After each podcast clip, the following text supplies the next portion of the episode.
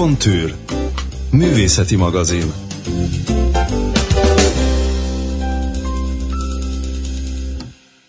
Szeretettel köszöntöm Önöket, Ferenc Zsolt vagyok. Idén nem volt pénzem könyvekre, de mondanom sem kell, még pár napig itt marad a laptop és a szemüvegem mellett a hangzó csoda könyvjelző reklámja, a kalózlány kis reklámkártyája, és persze a három dedikált plakát. Még jó, hogy akkora az íróasztalom. Na, ilyen megszállott kölyök szokásaim vannak, írja egyik ismerősöm SMS-ben. Az apró emléktárgyak gyűjtögetése és a találkozás mellett arra is alkalmat kínált a hetedik Kolozsvári ünnepi könyvét, hogy élményekkel gazdagodjunk. Ezeket gondosan elraktároztuk, de természetesen hallgatóinknak is megmutatunk belőlük sok mindent, a hatásuk ettől korán sem csorbul. A kontűrben ezúttal Gerlóci Márton íróval, Áprili Lajos dédunokájával beszélgetünk, aki őszre ígéri annak a regénynek a megjelenését, amely családja nőtagjairól szól. A Facebookon közzétett napló részletek, levelek, fényképek is bizonyítják, hogy izgalmas olvasmányra számíthatunk. A mai műsorban néhány szöveg is elhangzik, reménykedem abban, hogy hallgatóink kedvét is meghozzák a múlt ezen szelete iránti érdeklődésben. Engem minden esetre meggyőztek.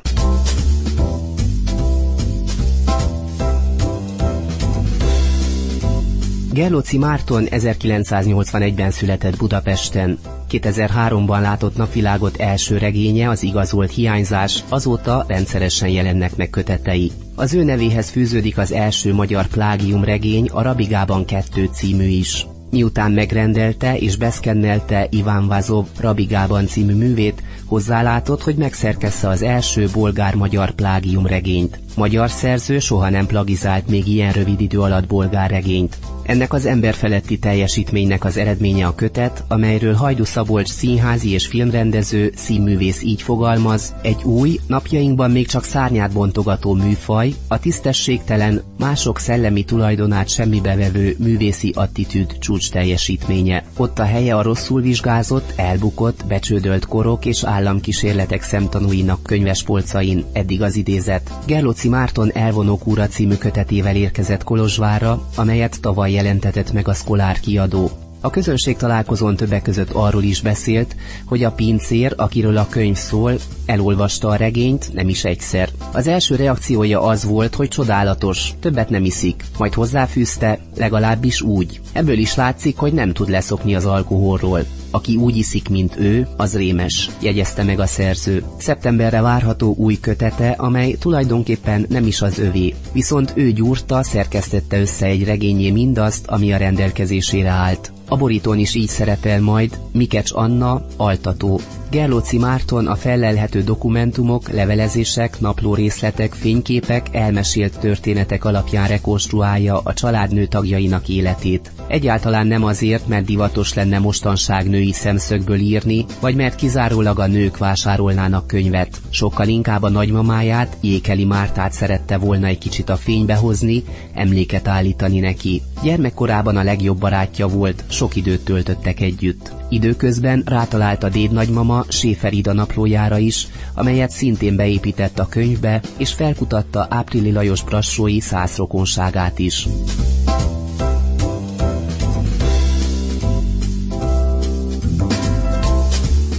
Áprili 1911-ben vette feleségül a kolozsvári Séferidát, és három gyermekük született, Zoltán, a későbbi neves költő, valamint Endre és Márta. Jékeli Márta első férje, Mikes László tanár, néprajzkutató volt, akit 1944-ben Kolozsvárról orosz fogságba hurcoltak. Gyermekük, Mikecs Anna négy éves volt, amikor meghalt, nem sokkal azután, hogy édesanyjával Magyarországra költöztek. Amint az utólag bebizonyosodott, a szomorú események miatt Ékeli Márta számára Erdély egyet jelentett a halállal, jó darabig nem volt lelki ereje visszatérni. Gerlóci Mártonnak sem volt kedve errefelé járni, ha tehette volna, kitörölte volna az emlékeiből.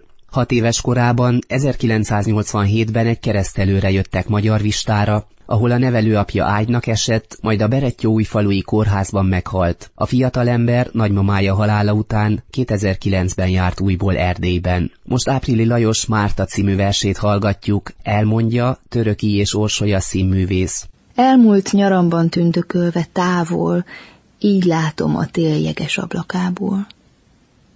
A parton ül. Tekintetét a víz pajkos hullámmal olykor elragadja, Kagyló fülébe süketítve cseng a kerekek dübörgő zuhatagja. Erdők közül a kis malompatak páfrányos partok hűvösét lehozza, s a lábait, mezítlen lábait a permet hidegre harmatozza. Gyönyörűt lát. A zsilipen felül fiúk fürödnek, kis parasztszatírok. Az úgó felett szivárványhidat vernek a láthatatlan pionírok. Most felsikolt, és csillogó szemén örömtűz lobban két parányi kis láng. Halászsinegről, friss tajték közül riadt lábához penderül a pisztránk. Ma így szeretném hívni, kis szirom, tavaszi szín siető lombok alján. A fa fölötte roppant lampion, s a lampiontól arca rózsahalvány. Hult lomb helyén behull a napsugár, és ringó hálót bont a fény alája.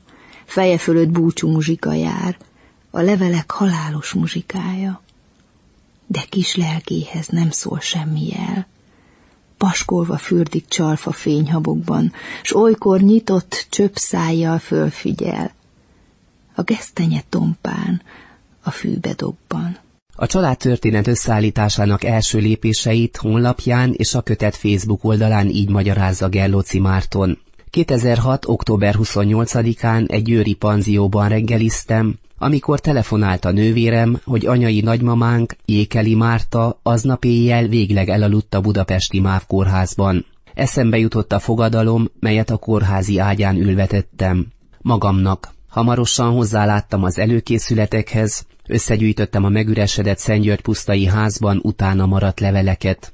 Minden levelét eltette, gondosan dátumozta, rendszerezte. Mivel 1961-ben édesanyja Séferida halálakor hozzákerült kettejük levelezése is, a levelek olvasása közben megjelent és helyet követelt a történetben dédanyám, Áprili Lajos felesége is. A levelek mellett előkerült Jékeli Márta kézzel írott memoárja is.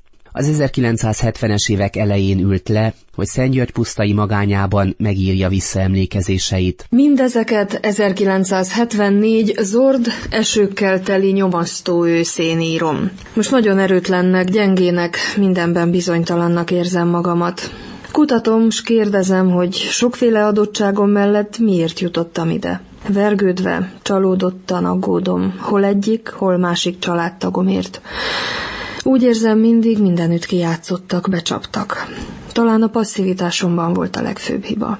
Féltem a döntésektől, rettenetesen befolyásolható voltam, igyekeztem elkerülni a vitákat, összetűzéseket, és az érvényesüléshez kínálkozó alkalmakat mindig elszalasztottam, és az adottságok is lassan visszafejlődtek bennem. Lehet, hogy képzelődöm, de úgy érzem, nem élek sokáig, hisz annyiféle baj gyötör. Ez is sarkal arra, hogy leírjam, hagyatrán is, furcsa életem, életünk történetét. Jékeli Márta emlékiratából kiderült, hogy Séferida is írt egy memoárt, amit Gerlóci Mártonnak a rokonságtól sikerült megszereznie. Mint fogalmazott, már ketten voltak két szomorú, meggyötört asszony a férjei kárnyékában. Anyám rettentően és kimondhatatlanul szenvedett. Mennyire akarta, hogy elkerüljem az ő sorsát, és milyen furcsán és kegyetlenül visszatértek ugyanezek a motívumok, csak még barbárabbul és kegyetlenebbül az én életembe mégis. Tulajdonképpen az írásra ezek a sors által előrejelzett, mégis elkerülhetetlen visszatérő motívumok is kényszerítenek. Apámtól többször hallottam, hogy családunkban a nők mindig szerencsétlenek voltak. De vajon törvényszerű ez, és nincs alól a kibúvó menekvés?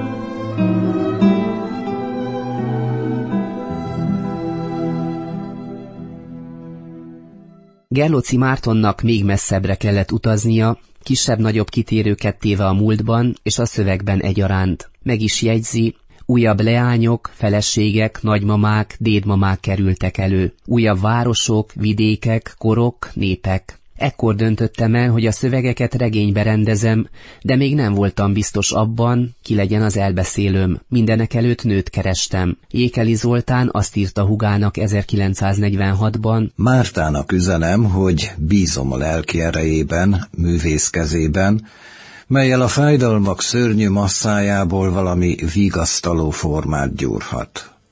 A völgy regényét csak nő írhatja meg.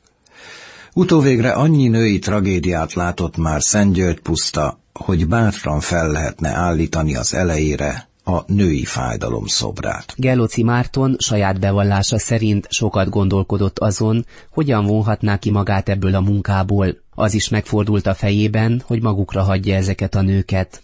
Közben egy újabb szövegre bukkant, amelyet Séfer Ida írt. Jöjj velem, aranyos, édes kis unokám, drága utódom, fogd kezem, és szaladj te is át velem a régen eltűnt szobákon, kerteken, amely az én életem világom volt. A legelső unoka, Ékeli Márta és Mikes László elsőszülött gyermeke, Séferida legelső unokája, Mikes Anna, Szentgyörgy puszta, korán elhervat virága.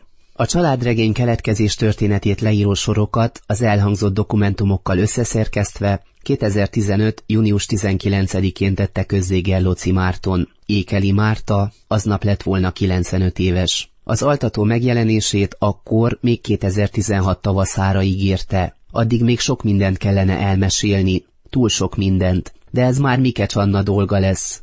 A fiatal szerzővel való beszélgetésünket a családi albummal való ismerkedésétől indítottuk. A fényképek azok szerte szét vannak, például most megszálltam egy rokonnál, itt Kolozsváron, soha előtte nem is tudtam róluk tulajdonképpen. És teljesen véletlenül tudtam meg, hogy ott is vannak fotók, több száz fotó van, tehát szépen albumokba. Ez egy családi hagyomány, mindenki a fotókat szépen elteszi, a nagymamám ráadásul rá is írja a hátuljára, persze ezt már az apjától tanulta, dátumot is, a helyszínt is, hogy kik vannak a képen, tehát ilyen szempontból marra egyszerű. És gyerekkoromban ezek a dobozok ott voltak mindig, és persze miután meghaltak a nagyszülők, a dobozokat fogtam, eltettem, mert most én vigyázok azokra. De hát két házzal arrébb, meg ott az Empléri völgyben minden háznál ugyanúgy megvannak a fotók. Tehát nincs meg ez így együtt, hanem szerte szét van a családnál szórva. Különböző családtagoknál. A hátára ugye rá volt írva, hogy ki kicsoda, annak idején volt neked alkalmat, hogy elbeszélgessetek történetekről? Én úgy szoktam mondani, hogy két élete volt, tehát az, amikor meghalt a férje, meg a gyerek, az ott véget ér, és a könyvem is, amit írtam, az ott kezdődik. És később foglalkozom azzal, hogy mi volt előtte elzárt. Saját maga elől is leginkább, hogy azokkal ne kelljen foglalkozni, mert ezek olyan fájdalmas emlékek.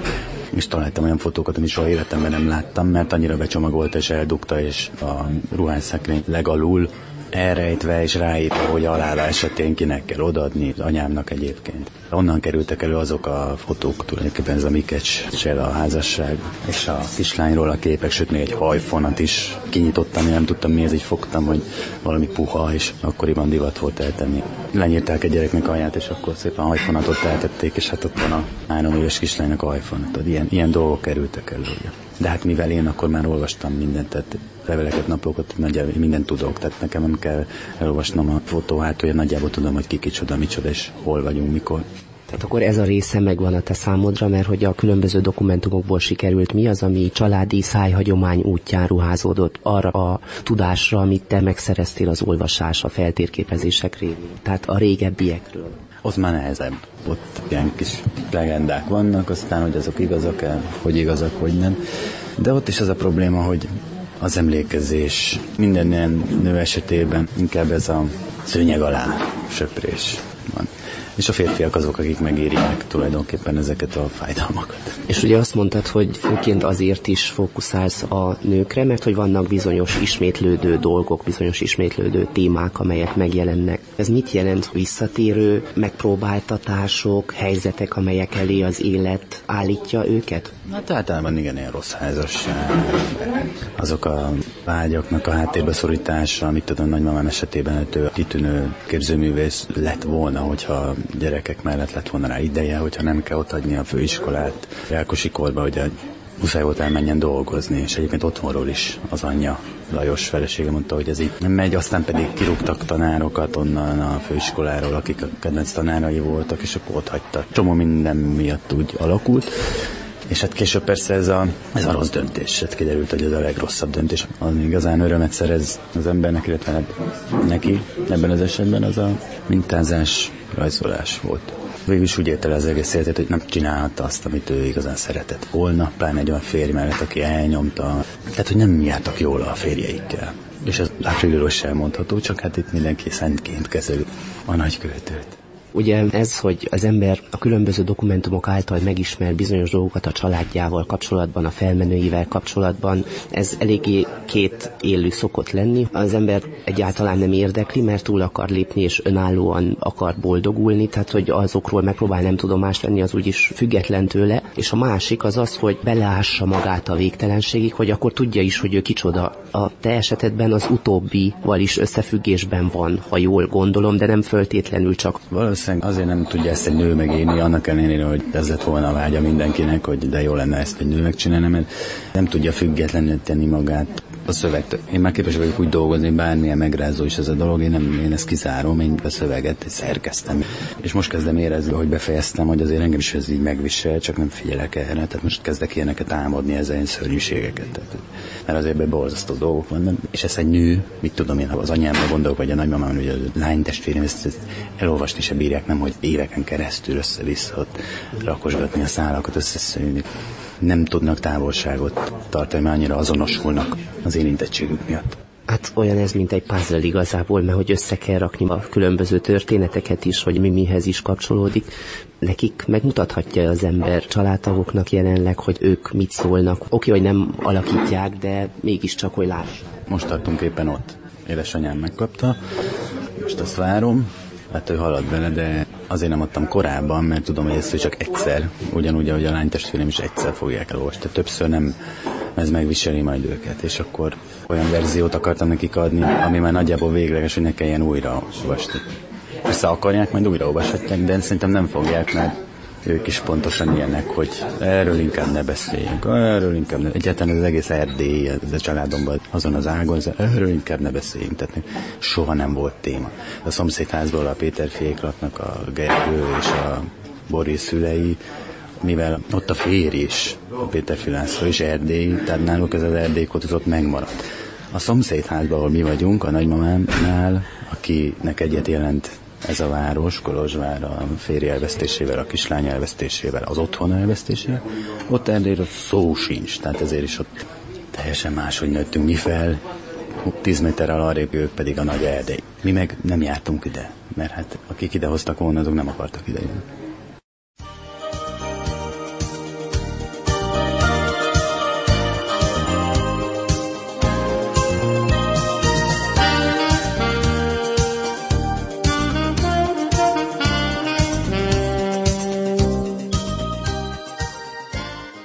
Kellett teljen nekem is egy húsz év, hogy én elkezdjek megint ide.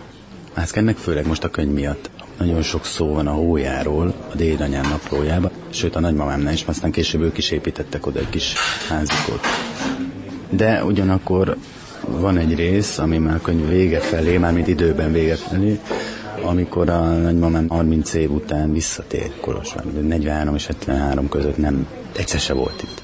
És akkor kisétál a hójába, a régi házhoz, és ott találja a ház helyén ezt a tömbházat. És hiába olvastam én ezt, hogy ez vele megtörtént, mivel sokkal élénkebben élt bennem az, amit a dédanyám leírt arról a környezetről, én is ma reggel elindultam a hójába, hogy megnézem. Hát engem is megrázott, pedig hát én nem ott voltam gyerek, de még így is megrázott. Megtaláltam egyébként a házat, éltem a helyénál, de hogy három méterre a bejáratától emelkedik ez a tömbház. Jó, hogy nem a helyére raktak tehát az elég szörnyű. És akkor másik, ugye akkor utána menjünk le a szamosra, hogy ők lejártak a szamosra. És akkor ott körforgalom valami, izé, mókút, ott folyik ez a koszos löty. De ez benne van a könyvben egyébként. Csak én most éltem át, tehát ezt még nem láttam nem föltétlenül szívderítő ezekkel szembesülni, főleg, hogy ez is valamilyen módon tovább megy benned, tehát legközelebb is akár visszajössz azzal, vagy azzal kezd hogy akkor úristen, itt mivel szembesültél? Volt már ilyen érzésem, igen, nekem is, hogy most nem mondom, hogy így lesz, de hogy végül is akkor most az ember így elengedi, hogy akkor inkább nem is, nem is jövök. Persze ez nem így lesz. Csak hát szomorú, mert ha belegondolok például, hogy nekem ez a helyem ott az Áprili Völgy Visegrád Szentgyőgy pusztán, ahol én voltam gyerek, ahol ott vagyunk ebben a kis völgyben a család házai, tehát ott van vagy nyolc ház. És hogy hát én most egyszer csak úgy kimennék oda, és egy tömbházán táján, tehát főbelőném magam szerintem, vagy, vagy lesétálnék a Dunapartra, és ott, mit tudom én, valami betonfal válna, hát én azt fölrobbantanám, vagy nem tudom. És hogy próbálom ezt így elképzelni, hogy ezt milyen lehetett megélni. Tegnap, amikor volt az áprili megemlékezés a Minervánál, akkor az egyik hölgy oda ment hozzád, és elkezdett érdeklődni, hogy kicsoda vagy, és mivel foglalkozol, és hány éves, stb. Ezek a dolgok, hogy jelentkeznek az életedbe, erdélyi körutad tekintetében vagyok kíváncsi, hogy akkor felfedezik, hogy te kinek a kie vagy, és te vagy külön egy önálló személyiség, egy önálló szerző. Ez már nem téma. Itt érdekes, de most nem arról van hogy vagyok én, és vannak a rokonok, hanem most már van egy közös dolgunk, tehát amit én csináltam ebből. Tulajdonképpen van egy ilyen kellemes érzésem, hogy az ősöknek megtettem a Ilyen kötelességemnek éreztem, elsősorban nem elmenni. Ami tegnap történt, én mentem oda hozzá, mert én ennek a néninek a könyvét 2009-ben Marosvásárhelyen a könyvhéten megvettem, ami erről a 36-os kirándulásról szól amikor a Lajosabb álmodasi lányokat lehozta Erdélybe. Akkor én már 2009-ben a gyűjtőmunkát csináltam, és akkor vettem meg. És a tegnapi előadás, pont rá voltam a legkíváncsibb erre a nénire. Nem láttam soha, amikor belépett, tudtam, hogy ő az, tehát, hogy felismertem a karakteréből, hogy ő lett. Hans Mirénről van szó, ugye, aki szintén így gyűjti ezeket a különböző történeteket. Téged is akár hozzá segíthetett valamilyen szinten ahhoz, hogy ebbe a családtörténetbe építkezz. Ebben a regényben nagyon sok mindenből vannak részletek, és például abból a könyvből is vannak olyan segítségek, amiket az a könyv nyújtott hiszen hát 36 nyara, egyébként pont abban a tekintetben, hogy amikor az én nagymamám arról ír, hogy milyen nehéz volt neki az anyjának az a 36-os nyár, mert míg ő otthon feküdt az panaszaival, addig a Lajos fiatal lányokkal erdélyi túrára ment, akkor én nyitom ezt a könyvet, és akkor ott látom annak a túr, hogy is volt az ott pontosan. Tehát amikor az ember megvásárol egy ilyen könyvet, és akkor csak ezt látja, de nem látja otthon a feleséget, aki fekszik, és rettenetesen féltékeny, hiszen ki, melyik öregedő feleség nem lenne féltékeny a sikeres férjére, aki 18 éves lányokkal, hogy is mondjam, hát ilyen hegyi kabanákban, ki tudja, mit csinál. Nem olyan egyszerű ez, na. Persze ezzel nem azt akarom mondani, hogy ott az történt, amit... De hát a féltékenység az nem is rossz szó. Megtörténik-e, vagy nem. Akkoriban, amikor te még gyerek voltál, diák voltál, és tanultátok az iskolában, és hazamentél, akkor hogy volt ez a két dolog egymás mellé állítása? Áprili Lajos és Áprili Lajos a felmenő. Engem egyszer kidobtak másodikban a magyar óráról, meg kiavítottam a magyar tanárnőt, hogy nem ékely, hanem lékeli, és kivágott az óráról. Ez az egyik emlékem. A másik pedig pont egy bármadas diák, aki nekem biológia tanárnőm volt egy gimnáziumban, és megkülönböztetett figyelme sért engem, mert hát Lajos volt a tanár, a tanár. Egyébként nem nagyon tanulod a magyar a nemzeti alaptantervbe, vagy mibe, ápriliosan nem foglalkozunk. Most én nem azt akarom mondani, hogy mennyit kéne, meg hogy kéne, de hát nem sokszor találkozol. Mit tudom én, a március benne van a negyedik vagy ötödikes olvasókönyvbe, és aztán pedig a műfordítások persze. Az Ember és a Költő című 1972-ben megjelent kötetében írja Vita Zsigmond Áprili Lajosról, súlyos csapás, unokája 1946-ban bekövetkezett halála. A kisvirág halála újra szíven üti a költőt, nem csak egy kedves unokát, hanem életének egy részét, az élet fényét, az élet legszebb lüktetését veszítette el. Ebből a mélységes megrendülésből születik azután meg az Annának hívták című versciklus, amelynek 40 versében a könnyes, remegő fájdalom keresi a feloldódást a természet csendes mélabújában. Egy gyermek érintése, érintő mosolygással teszi ezeket a képeket egyszerre frissé, közvetlenné, és ugyanakkor, amint a pusztulás szele megdermeszti őket, szívszorongatóvá. A tavasz friss, üdeképei után egyszerre zuhannak ránk a súlyos sorok, most részleteket hallgatunk Áprili Lajos mélyen megrendítő verséből, az Annának hívták című költeményből. Komor napoknak fényessége volt, hangjában tündér csengettyűje szólt. Annának hívták. Jött egy Anna bál, stáncba vitte a sebes halál. A virágteste tölgy alatt pihen, nagy pusztaváros erdős széliben. A tölgyfán tengerlicek szólanak, s homlokhalmára huldogál a mak. Mikor az erdőt számumszél kaszája, tölgyfák zuhannak át a völgyeken, lelkem, felej, egy kis virág halála jégvert szirom, hogy fájhat úgy nekem? Rom volt a földünk. Elzuhant királyok az örömök, de ő játszott velem. Zuhog a fény, s kifosztott szívvel állok a némán szikrázó játszóhelyen.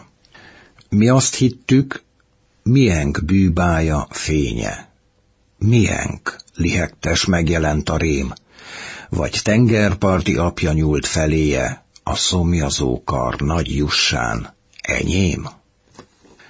Mikor elindult, május tiszta kékje ölelte még. A fénye itt maradt. Távolodó, élő gyönyörűsége csak sugarat hagyott, csak sugarat. S így láttam újra, édesanyja gyászban mellettem áll a hűvös hullaházban, csend és pap és virág. Álmodjatán? Várunk rá. Örök perc. Véget érhet? S a felvonón megjelenik, mint kisgyermek kísértet, komor Shakespeare játék színpadán. Talita hajnalt hirdető madár, jairusként hajnalt hirdetett, holt szívbe hult a keltető sugárs halállányából életlánya lett. Mikor a rommá torzított remek árván feküdt a gyermekklinikán, jaj, miért nem szólaltál felette meg, kumitalita, Kelj fel, kicsi lány! 1926-ban egy baleseti kártérítés és egy eladott zongora árából Séferida és Jékeli Lajos házat építetett a Kolozsvári hójában, a hátsó szőlőben, amit Ida édesanyjától, Kerekes Teréziától örököltek. Jékeli Márta nagybátyja, Séfer László gyakran kiment hozzájuk, a sok finomsággal teletömött hátizsákjával. Jövetelét mindig egy olasz dal fütyörészve jelezte, Vicino mare, facimo amore. Márta ekkor evett életében először narancsot. A dal, amelyet most hallgatunk, Salvatore Gambardella 1983-as szerzeménye. Előadják Mia Martini és Roberto Murolo. Az egyik interjúban azt nyilatkoztat, hogy ez mindenképp komoly lesz a nagymamád kapcsán, és aztán visszatérsz azokhoz a témákhoz, amelyek nem tudom pontosan, hogy fogalmazod, de valami ilyesmi volt, hogy bohócabbak, vagy te vagy bohócabb, mert ez jobban áll neked. De ez nem is az én könyvem, ez persze ez nem illeszkedik szervesen az én munkásságomba. Változik az ember, ki tudja, hogy én milyen könyveket fogok írni. De már ez az Evonukura is más már egyébként, meg az előtte lévő a létra is, szóval annak a tinédzseri hangvételnek már rég vége, amiről esetleg beszéltem ott kellemesebb szórakoztató könyvet írni, mint ami közben az ember jól szórakozik. Főleg, hogyha egy ilyen hosszabb munka, egy ilyen nagyobb munka után azért jól esik egy kis szórakozás. Nem könnyebb megírni, csak szórakoztatóbb adott esetben. Igen, de az élet sem mindig a szórakozásról szól, sőt, inkább arról szól, hogy ki kell írd magadból azokat a dolgokat. Hogy nem, mindig azt fogom írni, ami éppen érdekel, úgyhogy nem tudom még egy előre, hogy mit fogok. Talán te kérdezted, hogy a japán fiatal ember mit csinál? Igen. Ő azért van itt, mert ő fogja csinálni a borítóban. Ő egy grafikus fotós. És őt tavaly decemberben, tehát 2016 december talán 8-án ismertem meg egy okinavai kocsmán. Bejelölt a Facebookon, én még ott ültem tájföldön, utána két hónappal később nézegettem, minden nap fölrak egy fotót, és nagyon jó fotói vannak. És akkor úgy megkérdeztem, hogy te nem szoktál el csinálni könyvborítókat. És mondta, hogy de. Kérdezte, miről van szó. Hát mondom, ez bonyolult, de nagyjából elmondom, hogy miről van szó, hogy én családregény. Azt tudtam, hogy ezt a tragédiát ő érti, mert az okinomán értik mi az, hogy háború, meg elveszteni a anyukát, a lányt, a bármi családot. Elolvasta ezt a levelet, utána itt egy tanulmányt a térségről, tanulmányozta, hogy ez egyetem micsoda ez a Magyarország, meg Erdély. Majd azt mondta, hogy ide jövök. Mondta, hogy oda megyek. Mondom, hova jössz? Hát, hát hogy oda megyek? Mondom, nekem már nincs pénzem, hogy te ide gyere. nem, nem probléma, mert hogy ő egyébként is megy Svédországba. És akkor jött ez a felkérés, én lehoztam volna őt így is, úgy is, Kolozsvár, hogy az eredeti helyszínekre elmenjük, de mondjuk itt pont jól alakult, mert pont akkor jött a fölkérés, amikor ő egyébként is jött. Úgyhogy ő most ezért van itt, ő is jött velem a hójában, és közben magyarázom, hogy melyik helyszín micsoda, és ő fogja csinálni a... Ez egy külön regény. Csak arról jutott eszembe, hogy mondtad, mit fog írni. A vonatút lefele Kolozsvára az egy 150 oldal simán. Én ennyit életemben nem röhögtem. Ugyanis ő, mikor megtudta, hogy 7 órát fogunk ülni egy vonaton, akkor azt mondta, hogy ő még soha nem ült 7 órát vonaton, mert Japán nagyon kicsi. Mondta, hogy nem arról szó, hogy messzire megyünk, hanem hogy szar a vonat. És azt kín szenvedést, amit ezt végigélt ott meg. Egy olyan másfél-két óráig tök jól el volt, de utána szenvedett. Ugyanis egy japán ember nem ül 5 órát vonaton, mert ez a Shinkansen, ez három óra alatt fönn van 1200 kilométerre. Még hogy át is kell szállni, mit tudom. Tehát nem tudja elképzelni, mit lehet 7 órán keresztül, és amikor megmondtam neki, hogy 450 kilométert, akkor meg úgy röhögött, hogy hát mindenképp próbára teszi az embert az errefele való út. Kíváncsi lennék, hogy azokról a képekről, amiket ő készít, onnan is kikerülhet a borító kép, hogy azokról miket mesél neked, vagy időnként alkalmad nyílik-e betekinteni a fényképezőgép tartalmába. Hogy ne, hát csinálja képeket, fantasztikus képeket csinál. Gondolkodom ebbe, hogy ez a szamos neki tök más szeme van, tehát én nem mondom neki, hogy mit csináljon. Bármit mutattam neki, csak egy tányra rámutat, és egész máshoz ki belőle. Azért tetszik és hogy akkor kimenjünk oda. Nagyon rossz idő volt, esetleg még holnap kimehetünk, de a folyó az nagyon fontos, a szamos, az egész könyvben végig. Ráadásul még a kislány halálát is az okozta, beleívott, és attól kapott vérhast. Tehát az egész könyvben az így végig folyik, és hogy lehet, hogy... De csak akkor, hogyha ő láttam valami Szóval nem tudom még, hogy mi lesz a borító, de fontos nekem, hogy az általában nem érdekel a borító, de ebben az esetben meg kell adni valahogy a tiszteletet ennek. A, ha mennyi dolgoztam vele, akkor szép legyen. És a japán esztétikai érzék az jóval kifinomultabb egyes európai népek esztétikai érzékénél, mondjuk úgy. Úgyhogy ebben nagyon bízom. Ez persze akkor lesz egy nagyon jó történet, ha a végén egy gyönyörű borító készül.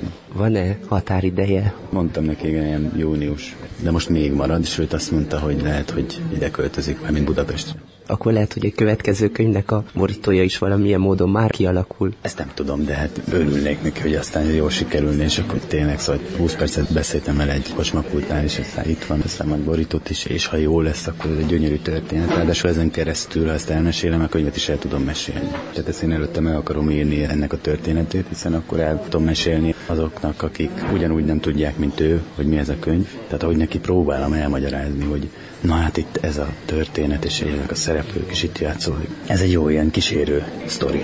És közben nagyon jókat nevetek. Más kultúra, ez érződik nap mint nap, percről percre érződik. Ó, hát persze. Ő volt Angliában, Svédországban, azt hitte, hogy az Európa. Átjött ide, és hát de imádja egyébként. Tehát akkor ilyen szinten a vele való kalandjaid is könyvbe kívánkoznak, remélem. Nem, én nekem annyira tetszett az ő szenvedése. Én ebből inkább forgatókönyvet írnék, tehát hogy ez egy másfél órás film simán benne van ebben a 7 órás vonatút. Sokszor ott tájföldön 12 órás vonat, meg buszutak, és hát volt olyan nap, hogy utazom 12 órát busz, azt átszálltam egy másik buszra másnap reggel, és még 12 órát.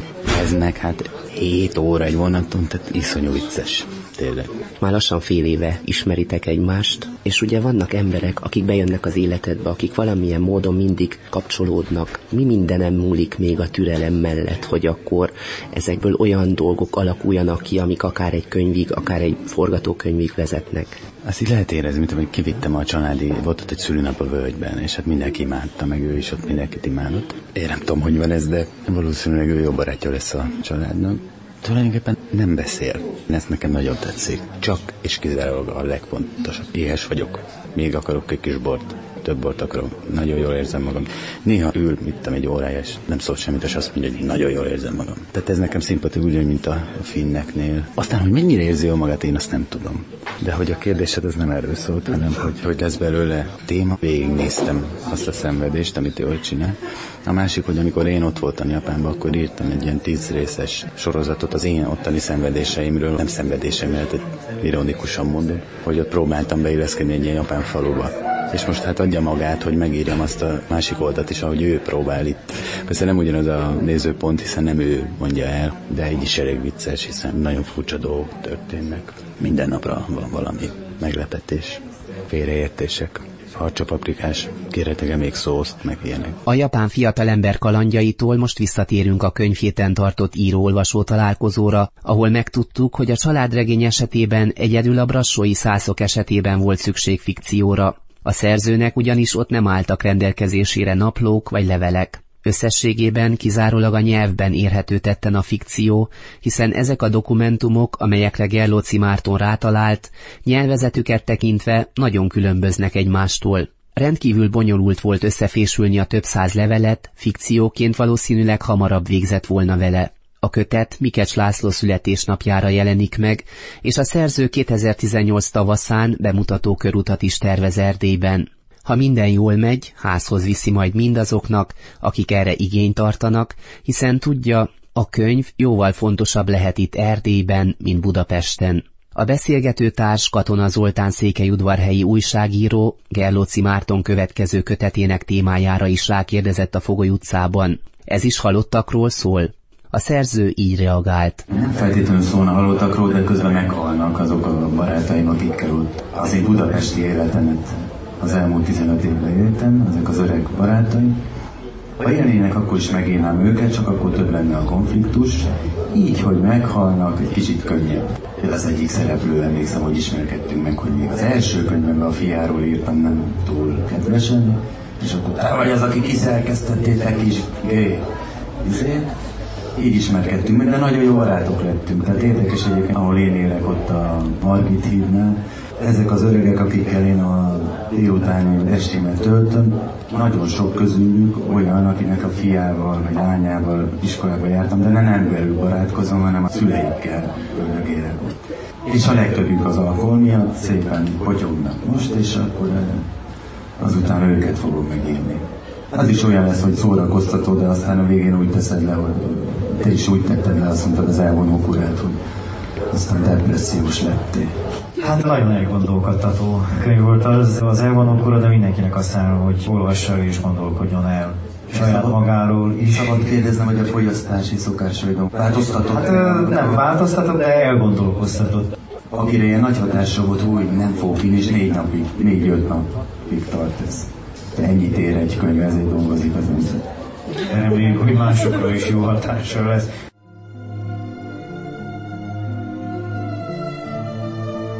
Kedves hallgatóink, a mai műsorban Gerlóci Márton magyarországi íróval beszélgettünk, kollégáim közreműködésével pedig a családjában őrzött dokumentumok is hangzó formát nyertek. A kötetet lapozgatva kiderül majd, hogy Áprili Lajos dédunokájának miként sikerült összefűznie a különböző történeteket, amelyek felmenői sorsával kapcsolatosak. Addig is a Facebookon, a Mikecs Anna altató oldalon böngészhetők a különböző dokumentumok. Mára köszönöm figyelmüket, Ferenc Zsolt vagyok, viszont hallásra.